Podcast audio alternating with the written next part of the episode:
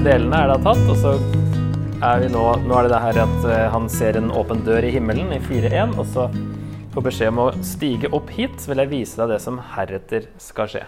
Så fra nå av så Nå står han stort sett, tror jeg, oppe i himmelen og ser resten av eh, det som skjer utover. Og det er en beskrivelse da, av Guds trone og Guds tronerom her i kapittel 4. Um, så det, når det står altså 'det som heretter skal skje', så, så var det også nevnt i 1.19 som vi så i stad, at uh, skriv ned det som det du har sett, det som er nå, og det som skal komme heretter. Så kanskje det som er nå, er kapittel 2 til 3, og det som skal komme heretter, det er nå fra kapittel 4 da utover. Så det som er nå, er tilstanden, status i menighetene, hva som må gjøres med de sju menighetene. Og så nå kommer det som kommer i framtiden for Johannes og leserne, i hvert fall. da. For Spørsmålet er da er det et hopp i tid fra det første århundret her. Og det er jo da en, en tolkning eller to som har det. At nå er det plutselig Vi vet ikke hvor lang tid inn i framtiden, for det her nå er vi plutselig helt på slutten av verdenshistorien. Sant? Eh, jeg syns ikke jeg ser det i det ene verset her. At uh, deretter så jeg, og så ser han det som skal skje heretter. Det er jo ingenting egentlig som sier at det er veldig langt hopp fram i tid.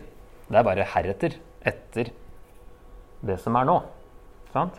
For Johannes. Hvis dere henger med. Så jeg, jeg ser ikke så veldig mye hopp her, da. Men det er et skifta perspektiv, i hvert fall. At nå ser han ting fra himmelen. Og han ser jo først da Guds trone.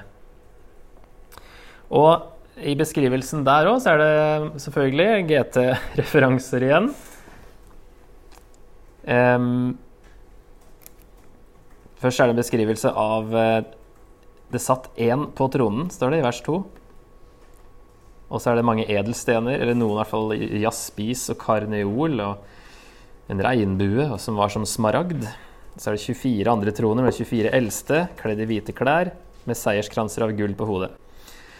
Fra tronen, står det i vers 5, det ut, gikk det ut lyn og drønn og tordenbrak. Hvor har det vært lyn og drønn og tordenbrak før i Gamle testamentet? Mange plasser. En av de første plassene. Sinai-fjellet er vel kanskje den eh, der det var i hvert fall mye av det samme. Men det er jo mange steder fordi det er det som Det er liksom Guds eh, spesialeffekter, på en måte. Når Gud kommer nær, så er det lyn og drønn og tordenbrak. Fordi eh, jorda kan ikke tåle Gud, på en måte. Så det er eh, når Gud er derfor liksom, Ja, når Gud kommer, når dommen kommer, så er det de effektene her, da. Eh, ting her, altså Han ser eh, fire skapninger. Hvor har det vært fire skapninger før rundt tronen? Esekiel 1. Der har alle de fire mens her har de én hver. Så det er vrien. Hvis de har fire ansikter For her står det den første lignet en løve. Vi må nesten slå opp Esekiel litt, da. For. Bare være sikker på den der. Ja, skal vi se. Eh, foran lignet ansiktene menneskeansikter. Det er 1-10. Til høyre hadde alle fire løveansikt, til venstre okseansikt, og bak hadde de ørneansikt. Der har de fire hver. Sånn, sånn, sånn, sånn. Mens her har de fire skapningene fått én av de hver. Så det er liksom Bildene som brukes, vris alltid litt på i Johannes' åpenbaring. Kanskje. Men i hvert fall du skjønner godt hvor han henter det fra. ikke sant? Men det er likevel en liten spinn på det. Men her er det Sekel 1 veldig tydelig, og så er det jo Jesaja, når Jesaja ser Guds trone, så er det også noen sånne eh, skapninger rundt, men de kalles da serafer der. Og så er det et um, uh, Hvor er det det sto? Om et glasshav. Der er vers 6. Framfor tronen var det som et glasshav, lik krystall. Den er litt mer vanskelig kanskje å huske hvor glasshavet var, men det nevnes i 2. Mosebok 24,10. Det er når de går opp på fjellet med de eldste av folket, og så ser de Guds føtter.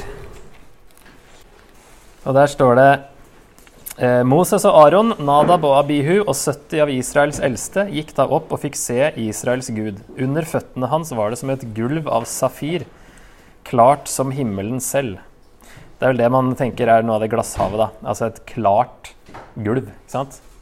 Det kan jo lett forklares som et glasshav, på en måte, hvis det er Hvis du nå ser det ovenifra, da, så er det jo på en måte kanskje hav under, mens her så du det unnifra. Um, og så er det Ja, så er det jo i tempelet der. Når de lager tempelet, så vi går til 30 vers 18, så er det eh, Hadde de jo det der vaskefatet At det kalles faktisk eh, sjø et eller annet sted. Så nå har han jo beskrevet eh, tilbedelsen i himmelen, og vi snakka jo litt i pausen her om de her 24 eldste. Som, hvem er de?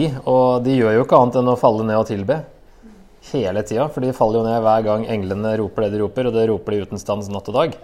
Så det, det er bare tilbedelse hele tida, er jo det bildet er da. 24 eldste. Altså, en vanlig tolkning er jo at 24 er jo 12 pluss 12 og at man da har tolv eh, stammer og tolv apostler som måtte representerer hele Guds folk, eller noe sånt. Det er i hvert fall en sånn en tolkning som det går an å ha. Ellers er det, jeg tror noen nå tolker eller henter opp noe fra krønikebøkene, noe av de her lovsangsdivisjonene eh, som eh, David ordner, men eh, jeg har ikke noen detaljer på det. Så er det ikke noen henvisninger heller, så det er ikke sikkert det var her. Men eh, poenget er tilbedelse, og at det skjer hele tida, og at eh, det er Gud som får den tilbedelsen. Og så hadde, altså har Gud en bokrull da, eh, som er forseglet med sju seil. Og så er spørsmålet hvem er verdig til å åpne boken og bryte seilene? Så er det ingen verdige. Johannes er skuffa, gråter sårt fordi ingen har funnet verdig til å åpne boka eller se i den.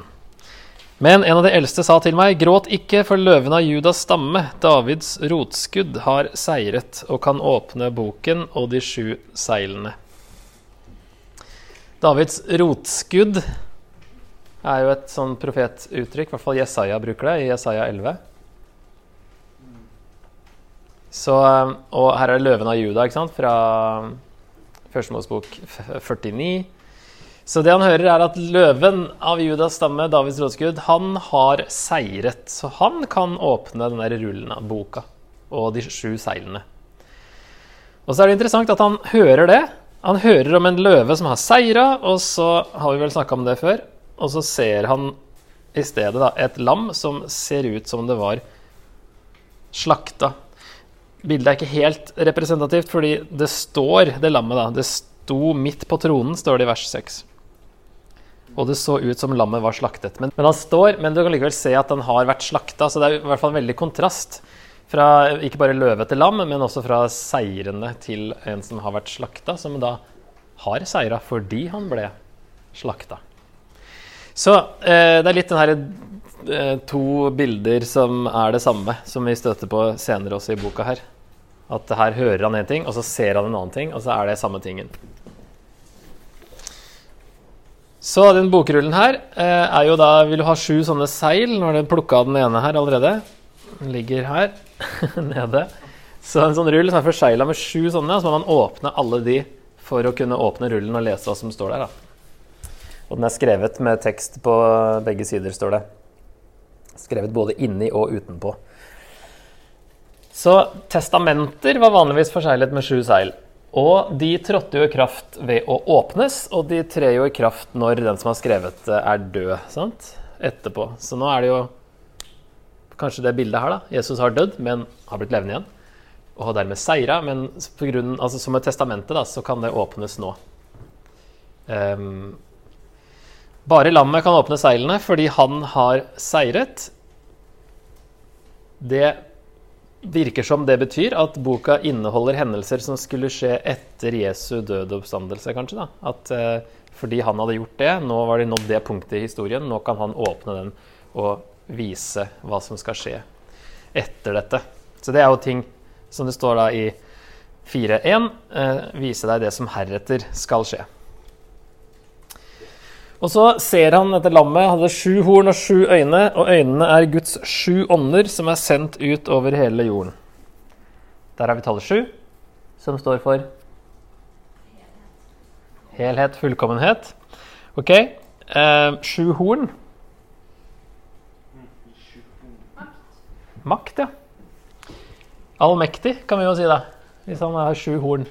Jeg la til noen vers der som Vi så jo flere horn i Daniel 7 og 8 som eh, på konger, altså mennesker som, eh, som hadde makt.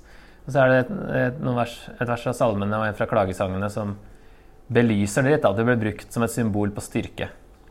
Og det er jo dyra sine Dyrets styrke er jo i hornet ofte òg, at den kan eh, angripe. Så det er jo da, er ikke, Vi skal ikke se for oss et lam som ser ut som det er slakta, som har sju horn og som har sju øyne. Så det, da blir det bare grotesk. Og det er ikke meninga vi skal se det for oss. Vi skal se for oss, eller forstå hva det betyr. Så da blir jo sju horn at er et, han, han, er allmektig.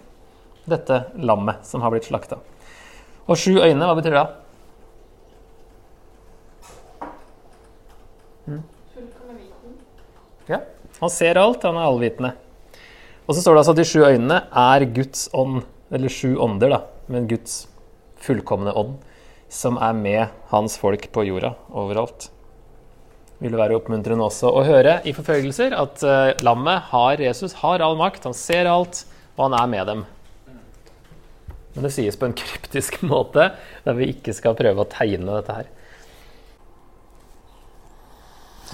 Ok, eh, Vers 9 og 10, hvis vi går dit. Så den sangen som eh, de fire skapningene og de 24 eldste synger For det første, i vers 8 så er det jo eh, oppmuntring til at Gud hører bønn. Når de snakker om gullskåler fulle av røkelse. Det er de helliges bønner, og de er foran Gud. Sånn at i vanskelighetene så kan fortsette å be. Gud hører bønnen, altså at bønnene deres er foran Guds trone. Eh, og Så synger de en ny sang, står det, og eh, nevner da ting som eh, som eh, også han nevnte helt i starten, i 1.5-7. Virker som det da er en veldig sentral sannhet, dette her med at han har frikjøpt ved sitt blod. Du, eh, med ditt blod har du frikjøpt for Gud mennesker av alle stammer og tungemål, alle folk og nasjoner, som for øvrig er fire kategorier, fordi det gjelder fullstendig menneskeheten. Du har gjort dem til et kongerike og til prester for vår Gud. De skal herske som konger på jorden. Det er også noe som han nevner ganske, ikke helt likt, men ganske likt i åpninga. Som da er jo da noe som er viktig å huske på i vanskelige situasjoner òg. De har blitt redda, eh, frikjøpt, og de er en del av Guds rike, selv om det er vanskelig. GT-referansene her er jo da en bokrull, har vi sett bl.a. i Esekiel 2, um, 10. Han åpnet rullen foran meg, det var skrevet på den både inni og utenpå, står det. Og det som sto skrevet der, var likklage, sukk og verop, og så er det den han spiser, ja. Men her er det at det er skrevet både inni og utenpå. Det er jo det samme som her. ikke sant? Så det er, henter nå opp fra en profet. Løven av Juda så vi første eller har jeg sagt, første Mosebok 49. Og Davids rotskudd da i Isaiah 11 vers 1 og 10. Og kanskje Guds sju ånder òg eh, hentes fra Jesaja 11. For der Husker ikke om dere så det, men eh, i vers 2 står det 'Herrens ånd skal hvile over ham', en, hånd, en ånd med visdom og forstand, en ånd med råd og styrke, en ånd som gir kunnskap og frykt for Herren. Så Hvis du teller alle de, da, hvis du teller Herrens ånd først, som skal hvile over ham, så er det med visdom og forstand og råd og styrke og kunnskap og frykt, så har du sju.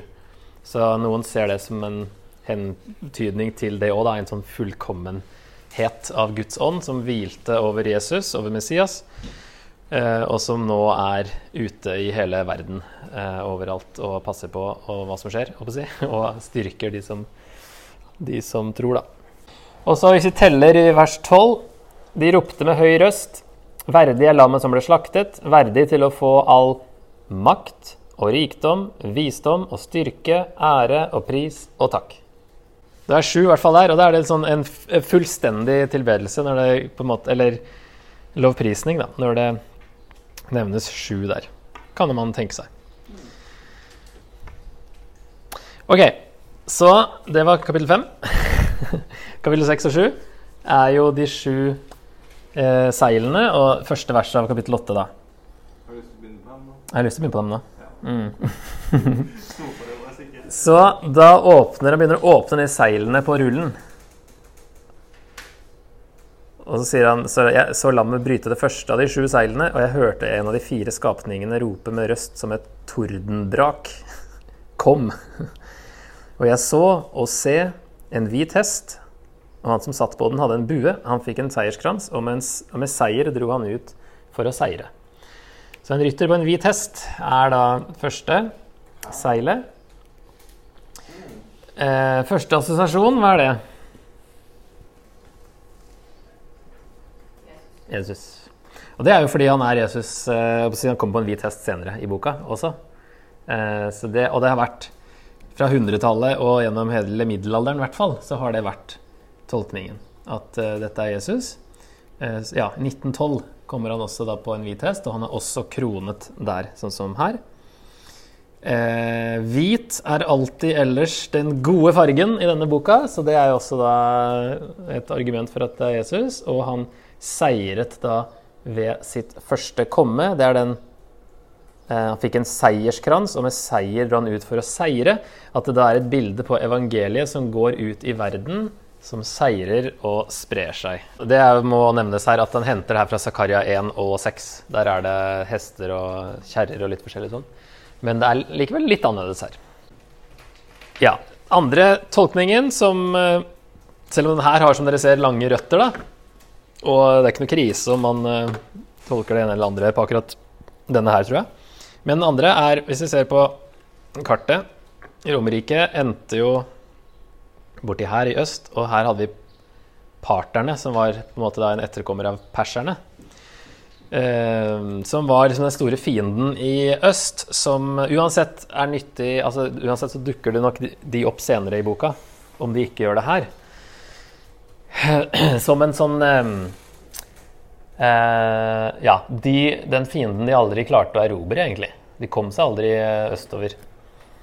At eh, det er parterne, mener noen. Denne her eh, For han har en bue og en hvit hest, og det hadde de jo det var i hvert fall hester, og ofte var de hvite. Um, og de var da Ja, det med kombinasjonen hest og bueskytter ville lett kunne assosieres med disse parterne, som var da den eneste virkelige trusselen til Romerriket. Øst, da. Og det var et rike spesielt da fra 240 før til 224 etter Kristus. Og de var de eneste ridende bueskytterne i det første århundret. Så det er rart at han har en bue. Det har han jo ikke ellers, da, hvis det er Jesus. Sant? Han har jo ofte et sverd og sånt, men eh, bue tror jeg ikke han har. Så det vil jo være et pluss for denne tolkningen. Romerriket klarte aldri å erobre dem. De representerte sivilisasjonens utpost, en annerledes type fiende. For de var også litt sånn De kjente ikke eller visste ikke så mye om dem, og de var liksom litt sånn litt skumlere fordi de var litt fjerne. Og så hadde de i år 62 hadde de knust romerne i et slag i Tigrisdalen, som da er liksom mot grensa mellom romerne og parterne. Så da, hvis man tolker det som det, så vil den første rytteren da tilhøre den samme serien som de andre tre. Det er jo fire hester her, akkurat som det var fire eh, hester med vogn, var det det, i Zakaria? Forskjellig farge, ikke minst. Forskjellig farge, ja. Mm. Eh, så han er en del av den kommende dommen over Romerriket, hvis man tolker det her som ikke som evangeliet som seirer, men som parterne som, eh, som seirer. Så vil det være da en, en, del av dommen som skal komme over romerne. At, eh, den kommer østfra. Den kommer jo sikkert fra mange steder, men kanskje delvis østfra. eh, så er det nummer to. Det er en rytter på en rød hest. Flammende rød. Han som satt på den, fikk makt til å ta freden bort fra jorden, så folk skulle slakte hverandre ned. Og det ble gitt ham et stort sverd. Rødt assosieres jo fortsatt med krig og blod, ikke bare den gangen. Men eh, det er jo derfor Altså, vet dere hvilken romersk gud som var eh, krig, krigsguden? Mars. Og hva kalles planeten Mars? Hva kalles planeten? Den røde planeten. Planeten Mars kalles den røde planeten. Og Mars var krigsguden, som ble assosiert med rødt, den også, da, siden det var krig og blod. Um, freden ble tatt bort kan jo tolkes som at uh, Pax Romana forsvinner, den som Augustus uh, starta i 27 før Kristus, og som varte helt til 180. Det vil jo si at det kommer uroligheter, og at det kommer en dom da, over Romerriket. Sverd, som det står, altså blir gitt ham et stort sverd, det brukes jo ofte hvert fall som et symbol på krig i GT. Skal falle for sverd. Det er jo sånne domsord om at det kommer en fiende. Og i så fall så er dette et bilde på den kommende dom over Romerriket, og trolig også av forfølgelse og død. At det kommer vanskeligheter for folk generelt, da. Men at det er en del av dommen over Romerriket. Som ville vært oppmuntrende å høre.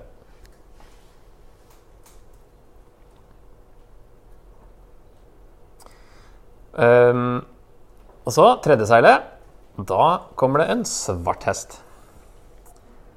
Og han som satt på den, hadde en skålvekt i hånda. Og jeg hørte noe som lignet en stemme inne blant de fire skapningene. Noe som lignet en stemme inne blant de fire skapningene, altså i tron, troneområdet. Én liter hvete for en daglønn, tre liter bygg for en daglønn, men oljen og vinen må du ikke skade. Det var litt kryptisk um, det virker som det er mer forfølgelse som kommer, vanskeligheter. Denne gang er det en økonomisk forfølgelse fordi de kristne ikke var med i handelsorganisasjonene som var knyttet til de hedenske gudene. Alt var jo knytta til gudene. altså De hadde jo ikke et eget ord for religion fordi alt var religiøst. Sånn at uh, de kristne ville òg da føle det på, på kroppen. På si, at uh, økonomisk ble det også vanskeligere når de ikke ville være med i de her avgudsdyrkelsen, da, som eh, ofte var knytta til vanlig liv. Og bildet her er, virker som en hungersnød som forårsaker inflasjon. Hveten koster mer enn ti ganger den vanlige prisen som oppgis her, da. Altså det er det ti ganger mer enn vanlig.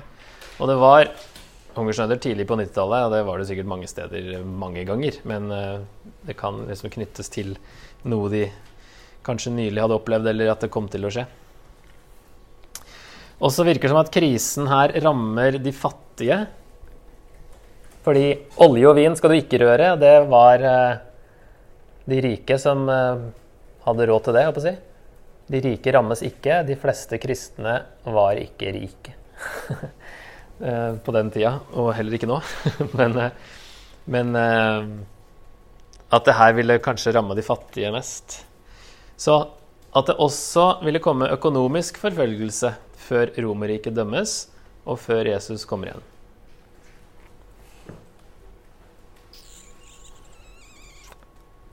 Det er ikke akkurat sånn gode nyheter, men det er i hvert fall litt sånn advart på, si, på forhånd om at det kommer til å komme vanskeligheter. Men hold ut. Den som seirer, vil eh, Da vil det være verdt det. Det her er greit å huske på til dyrets merke, som også snakkes om å kjøpe og selge og sånt. Den som ikke har dyrets merke, kan ikke Eller ja, du må ha dyrets merke for å kunne kjøpe og selge.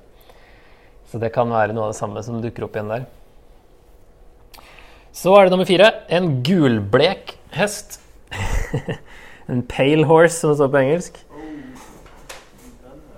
Um, rytterens navn var Døden, og dødsriket fulgte med ham. De fikk makt over fjerdedelen av jorden, så de kunne drepe med sverd, hungersnød og pest, og ved jordens ville dyr. Så eh, googler du 'pale horse', så får du opp uh, ganske mange stygge bilder. Grusomt. Døden på en hest. Det er bare sånn Ja, det bildet gadd jeg i hvert fall ikke å legge til her. Men han får Han får eh, makt over en fjerdedel av jorda, altså en delvis makt, for døden og dødsriket her. Så det vil si at uh, mange kommer til å dø, da. Og um, så nevnes sverd, hungersnød og pest. Det er en kombinasjon som brukes minst 18 ganger bare i Jeremia og Esekiel om Guds dom. Så de, akkurat de tre brukes om Guds dom i veldig mye da, i Gammeltestamentet. Sverd, hungersnød, pest. Så her er det jo Gud som måtte Dommen er i gang, på en måte, men viser seg på forskjellige måter i de forskjellige seilene av de her. Døden vil ta mennesker før enden kommer, og spesielt sverd og ville dyr ville være virkelig for de første leserne.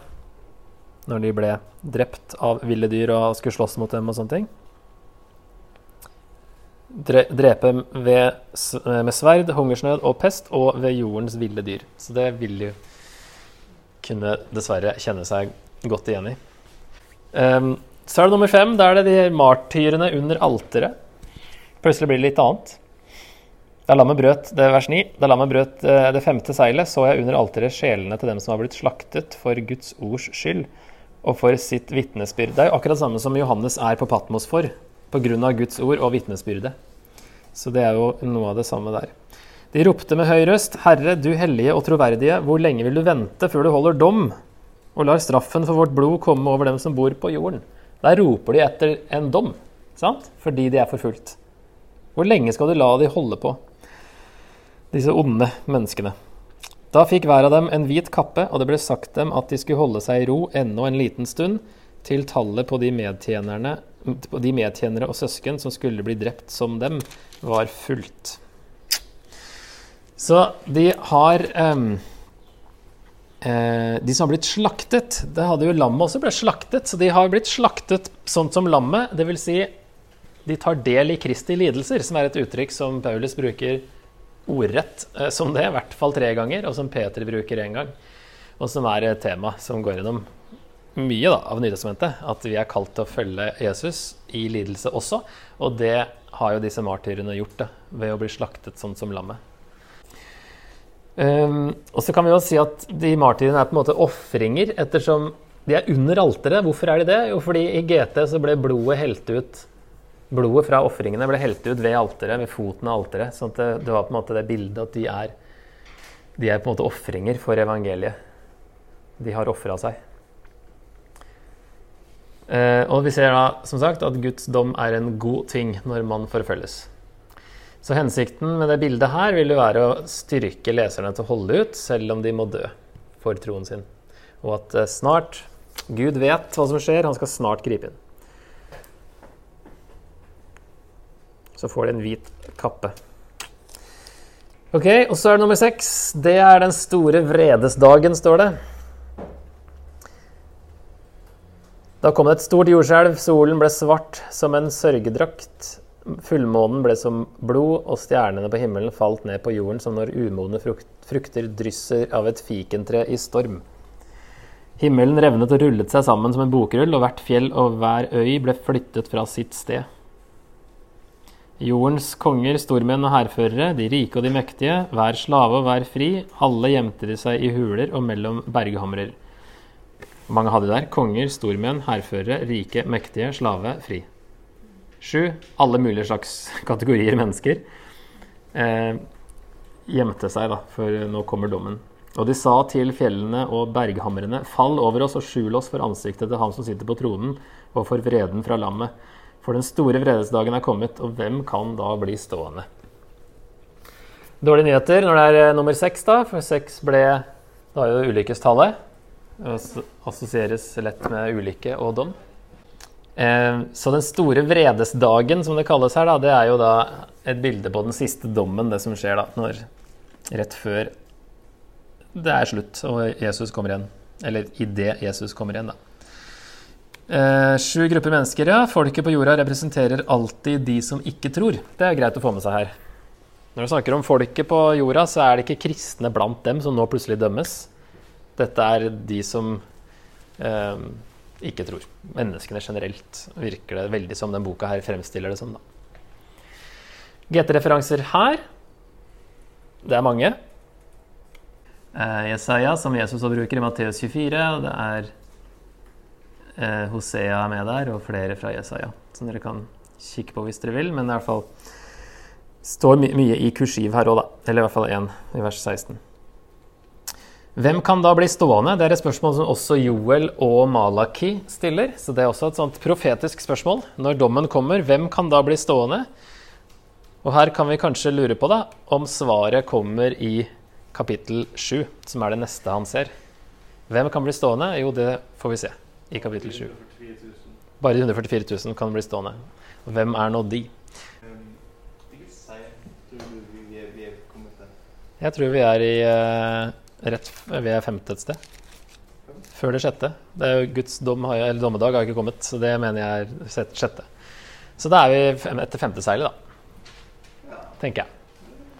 Jeg vet ikke om vi skal lese det kronologisk heller. Dette er bare ting som kommer til å skje før Jesus kommer igjen. Uh, jeg tror vi bare fyker videre, og nå kommer vi til 144 000, som er litt vrient. Um, det her skjer jo før det sjette seilet, ettersom de har blitt besegla før dommen skjer, som i Esekiel 9. Hvis du husker de der eh, seks menn som kom, og en som hadde skrivesaker, så skulle de eh, forsegle, eller merke de trofaste i Jerusalem før dommen kom. Og det er det samme bildet her. Hold tilbake dommen, ikke skad noen, før vi har fått satt eh, merket vår Guds tjenere med seil på pannen i vers 3. Rør ikke jorden eller havet eller trærne før det. Så her får vi litt sånn tilbakeblikk. Et mellomspill før sjuende, det sjuende seilet. Og dette er to scener, da, så dette er den første scenen. Så kommer det stammeliste over eh, Altså det er 144 000, da. Det er de som fikk seilet her. Fra alle stammene i Israels folk. Og det som er rart med den, er at Dan mangler av en eller annen grunn. Mens Levi er der. Og han pleier jo ikke å være der, fordi han fikk jo ikke et eget område. Og så er Josef der i stedet for Efraim og Manasseh. da. Så det er jo tolv, men det er en annen liste enn alle andre lister i GT. og så er det 12 000 fra hver stamme, da. Og her er det ingen som egentlig vet helt sikkert hva Johannes, hva som skjer her. Eh, hva, hvordan skal vi forstå at den er annerledes? Um, er det troende Israel, eller er det et bilde på Guds sanne folk? er vel kanskje to hovedtolkninger. da. Altså Israel messianske jøder, for å si det sånn. da. Er det de som er 144 000, eller er det alle troende? Og da er jo spørsmålet er 144 000 ment bokstavelig. Det vil jo Jehovas vitner påstå. Og at de er telt opp. Og det er de som skal regjere fra himmelen. Resten skal være på jorda. Um, da må vi sette oss litt tilbake i tid, uh, til den, uh, den, tida her, da, der myriade er jo et ord vi kanskje kjenner, men det er det greske ordet for 10 000. Det er Bibelens største tall, og det brukes symbolsk bl.a. her i 1. Samuel og Salme 3, Salme 68 og Daniel 7.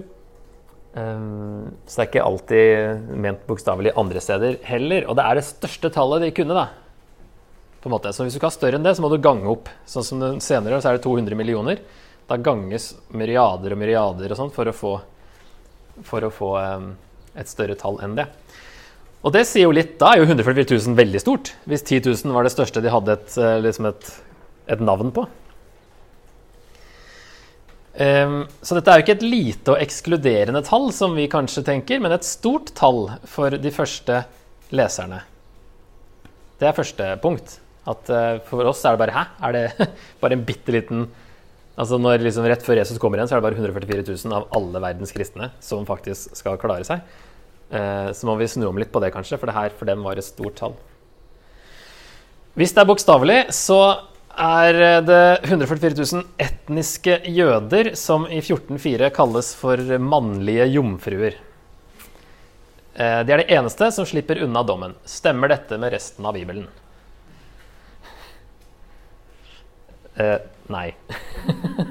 det gjør det ikke. Jesus sier at alle som tror, eh, slipper unna dommen gått fra døden til livet i Johannes 5,24, som jeg har med nederst her. Hvis vi ser på det symbolsk, så er det jo 12 ganger 12 ganger 1000. Og da vil mange se på det som tolv stammer ganger tolv apostler ganger fullstendig jordisk fullstendighet med ti ganger ti ganger ti. Altså ti i alle retninger. Og at det da er et bilde på det fullstendige Guds folk. Som da Den som tror, kommer ikke for dommen, men har gått over fra døden til livet, sier Jesus. Så den som tror, kommer ikke for dommen. Her er det Det stemmer mye, mye bedre, da. At det er et bilde på 12 ganger 12 ganger 10 i tredje. Så det er et veldig symbolsk tall. Og at det betyr alle, alle som tror. Det brukes jo et bilde som en hær, sånn som vi sett i Fjerde Mosebok og i flere steder i Gammeltestamentet. Altså en, en, telling fra stammene, hvor mange fra hver stamme og sånt. Men så er den lista litt annerledes. Og så må det jo harmonere med resten av Bibelen, dette her, da. Ok, går veldig raskt gjennom de siste her. Eh, mellomspillet fortsetter med at vi får scene to. Der han ser den store skare. Og da kan vi tenke oss, er det egentlig samme? da? At nå ser han Han ser han faktisk til 144 000, og de er så mange at ingen kan telle den. Det er jo neste som skjer. ikke sant? Hvis det er det ikke sant, først, Han hører en løve, han ser et lam. Her hører han et tall, og så ser han en kjempestor skare som ingen kan telle. Av alle nasjoner og stammer og folk og tungemål. De sto foran tronen og lammet, kledd i hvite kapper med palmegreiner i hendene, og de ropte med høy røst. Seieren kommer fra vår Gud, han som sitter på tronen, og fra lammet. Så det tenker jeg beskriver, det han får se, er det han har hørt. At det er samme bilde, men dette er etter trengselen, som det står i vers 14. Dette er de som kommer ut av den store trengsel. Altså de, alle vanskelighetene, da. Og de står foran tronen. Som, ja, som nevnt, samme som i 5, 5 og 6. Hører først om det, deretter ser han det. Dette er jo oppfyllelsen av eh, Første Mosebok 15.5. Abrahams etterkommere skulle bli som eh, stjernene på himmelen som ingen kunne telle. Og her er det en skare som ingen kan telle. De står med palmegrener. Det ble brukt i løvehyttefesten, som var til minne om utfrielsen fra Egypt, og at det her er en ny utfrielse fra en annen undertrykkende makt. Og at de blir frelst fra slaveriet, både fra romerne, si, være under romerne, og syndens slaveri. Da. Men altså det er en ny utfrielse. Så det mellomspillet er jo ganske langt. Det er jo hele kapittel eh, sju. Og så kommer eh, seil nummer sju, eh, stillhet, i eh, 8.1. At det blir stille i himmelen omkring en halv time. Som sagt så er jo en halv time i en visjon kan godt være symbol på evigheten. Hvis, har, hvis det har gått ganske sånn vilt for seg fram til nå, og så er det plutselig stille i en halv time. Da er det sånn Dette var noe helt annet. Så selv om det ikke høres ut som en evighet, at det er en halvtime, så kan det lett symbolisere det, syns jeg i hvert fall. Ok. Slettes ikke verst. Eh, da rekker vi så vidt å tenke bitte litt på de spørsmålene til anvendelse her. Slik Gud lovet leserne å dømme det onde Romerriket, lover han å dømme ondskapen i vår tid. Gir disse kapitlene den noen nye perspektiver på hvordan møte lidelse? Vi har jo snakka om det mange ganger før, men er det noe nytt her? Nye perspektiver? Og hvordan oppmuntrer disse kapitlene deg, selv om ikke vi forfølges?